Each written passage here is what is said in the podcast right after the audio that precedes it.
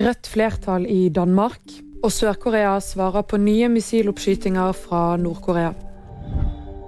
Danmarks statsminister Mette Fredriksens røde blokk får flertall etter valget.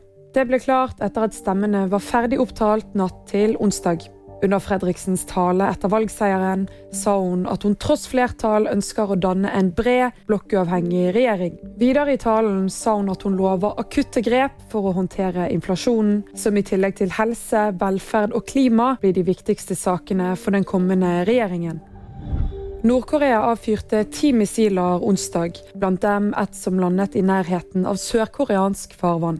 Det er første gang et nordkoreansk missil har landet så nært det sørkoreanske fastlandet siden landet ble delt i 1953, ifølge det sørkoreanske forsvaret. Innbyggere på den sørkoreanske øyen Ulungdo ble bedt om å søke tilflukt etter at Nord-Korea avfyrte tre ballistiske kortdistansemissiler. Sør-Koreas president Yoon Suk-yol beordret raske og harde tiltak for å straffe Nord-Koreas handlinger. Og landet svarte kort tid senere med å avfyre tre raketter nær der det nordkoreanske missilet landet tidligere på dagen.